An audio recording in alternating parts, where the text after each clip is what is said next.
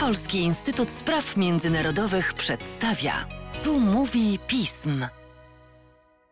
W podcaście Polskiego Instytutu Spraw Międzynarodowych witam Państwa Łukasz Jasina, a dziś dwaj goście z krajów, których pozornie aż tak wiele w tej chwili nie łączy. Dwóch specjalistów od tych krajów dokładniej. Marcin Przychodniak i Przemysław Biskup. Dzień dobry panowie. Dzień dobry. Dzień dobry. A skłoniło mnie do porozmawiania z panami to, co się dzieje w Hongkongu, bo wiemy, że na świecie pamięć sięga góra 10 lat wstecz, a i to nie zawsze, ale Hongkong był kiedyś częścią e, Wielkiej Brytanii. Został, jej przeka- został przekazany Chinom lat temu 23, a do tego wszystkiego było jeszcze w tej sprawie nawiązane pewne porozumienie kilka lat wcześniej pomiędzy Wielką Brytanią i Chinami, które teraz ma wpływ pewien na, na istnienie państwa, na istnienie Hongkongu jako specjalnego obszaru Chin. I chciałem sobie z Panami porozmawiać na temat tego, jak e, w tej całej sytuacji Wielka Brytania się odnajduje, jak to rzutuje na stosunki między obydwoma krajami, ale myślę, że najważniejszą sprawą będzie to, jak w ogóle ta sprawa sprzed 30, 40, a może i ponad 100 lat wpływa na obecną sytuację polityczną Hongkongu i zmusza pewne państwa Zachodu, czasem południa, do reakcji na to, co robi państwo chińskie. Może zacznijmy od Ciebie, Przemku. Jak to się stało, że Wielka Brytania ma ciągle pewne prawa do wypowiadania się na tematy związane z Hongkongiem? No, ma te prawa, ponieważ Chiny ich udzieliły, podpisując traktat e, międzynarodowy w sprawie przekazania Hongkongu.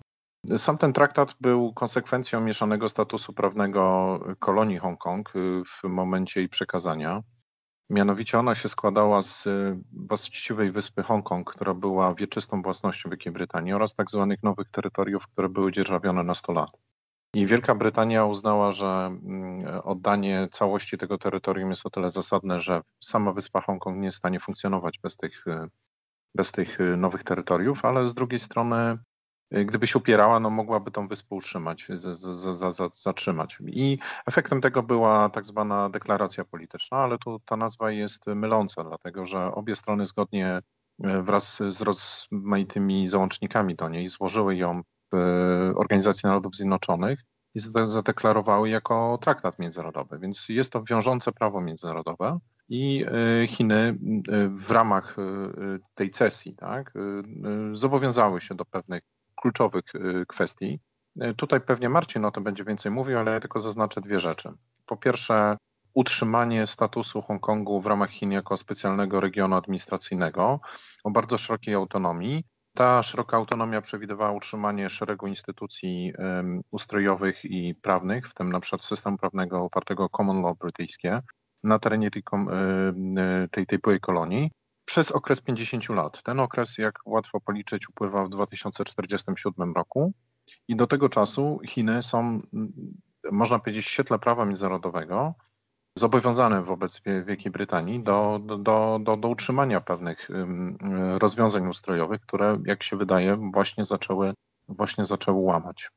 I tu przejdę do Marcina, jeżeli Marcin się oczywiście na to zgodzi. A jak na to się w ogóle patrzą Chiny? Bo mam takie jakieś dziwne wrażenie, że niekoniecznie chcą przestrzegać y, swoich własnych zobowiązań, które w prawie międzynarodowym zaciągnęły. A kiedy wielkie mocarstwo zaczyna je dotrzymywać zobowiązań międzynarodowych, to nie jest rzecz, która się rozwija w dobrym kierunku. No tak. To jest specyficzna rzecz, bo musimy to odróżnić dwie sprawy troszeczkę. Yy, czyli to, co Chiny mówią i, i, nam prezentują jako swój punkt widzenia i to, co rzeczywiście myślą tak naprawdę władze chińskie na ten temat, bo to oczywiście są troszeczkę dwie różne sprawy. No, dla Chiń, Chińczycy oficjalnie y, zupełnie odrzucają tę interpretację, którą e, przedstawił przed chwilą Przemek. Głównie, czyli tę brytyjską i nie tylko brytyjską interpretację całej tej sytuacji. E, głównie chodzi tu oczywiście o fakt, czy, czy ta deklaracja, czy w zasadzie umowa, traktat obowiązuje, czy nie. I na ile on zobowiązuje e, Chińską Republikę Ludową do utrzymania tej autonomii właśnie do 2047 roku. Więc obecnie, obecna wykładnia, bo to też się w Chinach zmieniało, to jest też ciekawe, jeszcze dobre z 10 lat temu przynajmniej stanowisko było inne. Ale obecna interpretacja i to, co mówią władze, mówi, że ta deklaracja jest już nie, nie, nieistotna i że na pewno nie zobowiązuje do niczego Chińskiej Republiki Ludowej, a Hongkong jest jakby nieodłączną częścią HRL, w której ona zgodnie z prawem państw decydowania o swoim terytorium może robić co bardzo, na co ma ochotę. Tak, że tak powiem, publicystycznie rzecz ujmując. No i z tego jakby, i, i, i, ale tu trzeba zauważyć, no i jakby w związku z tym y, ta ustawa o bezpieczeństwie, która była pretekstem naszego spotkania troszeczkę, jakby wprost y, jest wyrazem takiego myślenia. I ta ustawa, jakby ona jest takim pierwszym namacalnym elementem pokazującym, że, że, te, że ta zasada, która wynikała z tej deklaracji i później z ustawy zasadniczej hongkońskiej, czyli jedno państwo, dwa systemy, w zasadzie przestała funkcjonować, ponieważ te, y, przestała funkcjonować w dużym stopniu ta niezależność prawna Hongkongu jako regionu autonomicznego e, wobec HRL, e, to o czym Przemek wspominał. Ciekawe jest jeszcze w odniesieniu do Chin, jak się i tej perspektywy, jeśli ją przełożymy na to, w jaki sposób Chińska Republika Ludowa od lat, końca lat 40. czy lat 50. postępowała, jaką politykę prowadziła wobec Hongkongu jako kolonii brytyjskiej. Bo to w pewnym sensie jest bardzo podobne. Znaczy, to, co robili, robiła Chińska Republika Ludowa w tamtych latach, jest bardzo podobne do tego, o co teraz oskarża państwa zachodnie wobec Hongkongu już jako części HRL po 1997 roku. Tam są oczywiście niuanse i możemy w to wejść głębiej, ale, ale, ale i wtedy, i w latach koniec lat 40. Przemek może mnie poprawi, ale wydaje mi się, że jakby Brytyjczycy byli bardzo zaniepokojeni tym, y, co działo się na kontynencie i po zdobyciu kantonu, który jest tuż obok Hongkongu, byli w pewnym sensie przekonani, że chi, chińska armia komunistyczna pójdzie dalej, tak? I że mhm. Hongkong zostanie odzyskany siłą, no bo to jest jedno z terytoriów utraconych. To się oczywiście też wiąże z całą tą ideologią obecną chińską i, y, dotyczącą odzyskania terytoriów kiedyś zabranych Chinom y, czy straconych w ten czy inny sposób, rywalizacji z mocarstwami, które kiedyś Chiny upokorzyły tak? A teraz Chiny właśnie jako te y, y, rosnące mocarstwo odzyskuje i, i, i utwierdza swoją władzę w tych terytoriach. Hongkong jest jednym z elementów. To do, w latach 50. do tego, czy 40, końcówka lat 40. do tego nie doszło do siłowego przejęcia. Władze chińskie zdecydowały się załatwić sprawę dyplomatycznie i jakby pozostawić, nie domagać się od Wielkiej Brytanii zwrotu w tym momencie tego, z różnych powodów pewnie, nie będziemy... E, my musimy jeszcze, mhm. ja tu może bym się wtrącił, bo tak. musimy też pamiętać jednak o pewnym dualizmie prawnym, jeżeli już o tym rozmawiamy, utrzymującym się do początku lat 70. To, to znaczy, prawda, tak. E, międzynarodowo uznawanym reprezentantem Chin e, była Republika Chińska na Tajwanie. I e, ona z oczywistych powodów nie podnosiła w jakiś szczególny sposób e, roszczeń wobec e, Brytyjczyków. Chociaż też je miała, trzeba o tym pamiętać. Że nie, nie, nie. To znaczy ona nigdy ich nie odpuściła w sensie prawnym, no ale też nie eksponowała ich. Tak, tak. Z oczywistych powodów, ponieważ sama nie była w stanie skonsumować tych praw, a nie chciała wzmacniać władzy, władzy reżimu, którego sama nie uznawała, reżimu komunistycznego, prawda? I tak naprawdę e, o wszystkim decydowała pewna równowaga siły, e, przy czym trzeba pamiętać też, że obecność brytyjska do, właściwie do końca lat 60. obejmowała tak zwaną obecność na wschód od Suezu.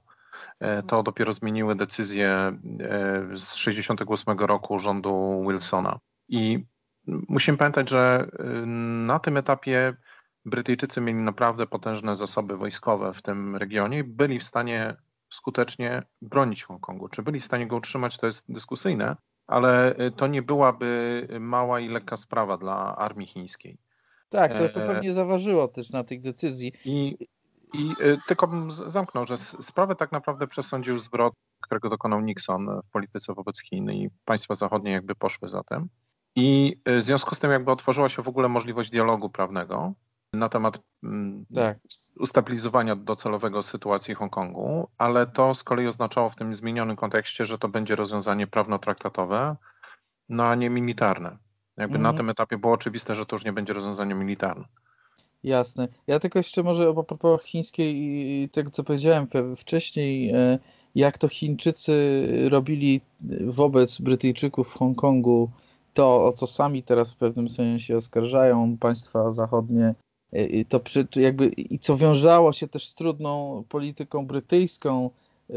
Obec, możemy teraz wiele, czy zarzuca się Chiny, HRL podaje taki argument, że Brytyjczycy czy że Hongkong nie był regionem demokratycznym. Znaczy, to nie była kolonia, gdzie Brytyjczycy przyznali mieszkańcom duże prawa, tak? Znaczy, gdzie to dopiero później, jakby wcześniej to było raczej w sensie obywatelskich swobód i możliwości E, tego, co rozumiemy przez swobody obywatelskie, obecnie nie, nie było takich możliwości w Hongkongu i, i, i, i też jakby, tylko musimy pamiętać oczywiście o tym, że on, ta, ta, ten, ta, ta kolonia cały czas była podmiotem pewnej wpływów partii komunistycznej, tak, przez związki zawodowe, przez e, próby e, alternatywnej edukacji, tak, w duchu komunistycznym, E, jakby tej, tej całej ciągłej rywalizacji między wpływami nieformalnymi HRL na terenie Hongkongu, a administracją brytyjską, która w pewnym sensie musiała te rzeczy znaczy, zwalczać, też zabierając pewne prawa, tak, w kontekście pracowniczym na przykład, czy, czy mhm. obywatelskim. I jeśli ja tu mógłbym się wtrącić, to dodałbym jeszcze dwie, dwie istotne rzeczy. Po pierwsze, musimy pamiętać jeszcze o kontekście realnych zmagań zbrojnych y, brytyjsko-chińskich w regionie w tym okresie do lat 70., między innymi y, wojna domowa na Malajach, która tak naprawdę mm, była motywowana partyzantką chińską y, na, na, na Malajach, z miejscowych Chińczyków złożoną. I o starciu z, w czasie wojny koreańskiej. To otworzył taki kontekst, w ramach którego to było oczywiste, że um, utrzymanie takiego dosyć silnego, mm, silnej autorytarnej władzy politycznej w mm, kolonialnej brytyjskiej w Hongkongu jest oczywistą sprawą. Ale drugi kontekst to jest również sama natura brytyjskiego systemu zarządzania koloniami. A pamiętajmy, że no, to w swoim czasie było największe w historii mocarstwo kolonialne. I te rozwiązania miały swoją specyfikę, którą do dzisiaj widać e, w Hongkongu. To znaczy, z jednej strony, można powiedzieć, stosując klasyczne kategorie politologiczne, autorytarny system zarządzania politycznego. To absolutnie nie był system demokratyczny. E, system, gdzie właściwie cała władza płynęła od, od góry, od korony, ale z drugiej strony nie ulegało też wątpliwości, i to pod tym względem powiedziałbym przypomina realia XIX-wiecznej Europy e, Zachodniej, że prawa y, osobiste, prawa podstawowe, prawa człowieka, to wszystko było przyznawane y, obywatelom Hongkongu w zasadzie bez większych zastrzeżeń. Czyli istotne ograniczenia praw politycznych, zwłaszcza wyborczych, ale z drugiej strony bezsprzeczne utrzymanie tych, nazwijmy, praw, praw podstawowych, tym zwłaszcza też prawa do własności. No i jeszcze może jednej rzeczy warto wspomnieć, to znaczy klasyczne zagranie brytyjskie związane z e, divide and rule, tak? Z dzieli rządź. Mianowicie od początku drugiej, od początku zwycięstwa komunistów w, w wojnie domowej w Chinach, Brytyjczycy systematycznie przyjmowali, udzielali azylu na terenie Hongkongu uciekinierom, tak, którzy nie chcieli się z tym reżimem pogodzić. I to powoduje, że i to był po stronie brytyjskiej stały element polityki, nazwijmy to imigracyjno-azylowej, ale z drugiej strony to y, z czasem zbudowało pewną odrębną tożsamość Hongkongu, która znacząco poprzedza samo formalne przekazanie Hongkongu Chinom i pewne zdarzenie mentalności Hong Hongkongu z, z, tak, z tak zwanym mainland China. Tak? I takie rozwiązania na przykład były wcześniej stosowane z dużym sukcesem przez Brytyjczyków, oczywiście z dużym sukcesem i z ich punktu widzenia na przykład w Gibraltarze, czy w, i na terenie Wyspy Irlandii, czy jeszcze pierwszy przykład to jest średniowieczny okręg, okręg Calais we Francji. Mm. Warto pamiętać, że te, ci, ci ludzie, którzy przybywali do Hongkongu, e, no to też to był jeden z instrumentów, który partia komunistyczna jakoś tam próbowała wykorzystywać też w pewnym sensie. To byli i uciekinierzy, ale, ale nie tylko, tak? I, nie, oczywiście, no zawsze Propozycje de, demokratyzacji, czy w ogóle pierwsze propozycje dotyczące wprowadzenia wyborów do jakiejś rady legislacyjnej Hongkongu, to też raczej są element, był element rywalizacji e, HRL Wielka Brytania niż jakiś oddolny element demokratyzacji się społeczeństwa hongkońskiego i jego jakiś e, dążenia do uzyskania praw. Więc to, to, te, te, to, to zmaganie, e, a zwłaszcza w odniesieniu do, do współczesności, jest bardzo ciekawe i, i jakby ich historia w pewnym sensie troszeczkę się powtarza. Ale tak, tylko są... w pewnym sensie. Ale tylko w pewnym sensie. Panowie, czas nas oczywiście nagli, a moglibyśmy o tym rozmawiać jeszcze w bardzo wielu sprawach. Myślę, że na pewno nikt się już dziś nie, po przesłuchaniu naszego podcastu nie będzie dziwił o tym, że Wielka Brytania ciągle interesuje się Hongkongiem. Dziękuję panom bardzo. Dzięki. Dzięki.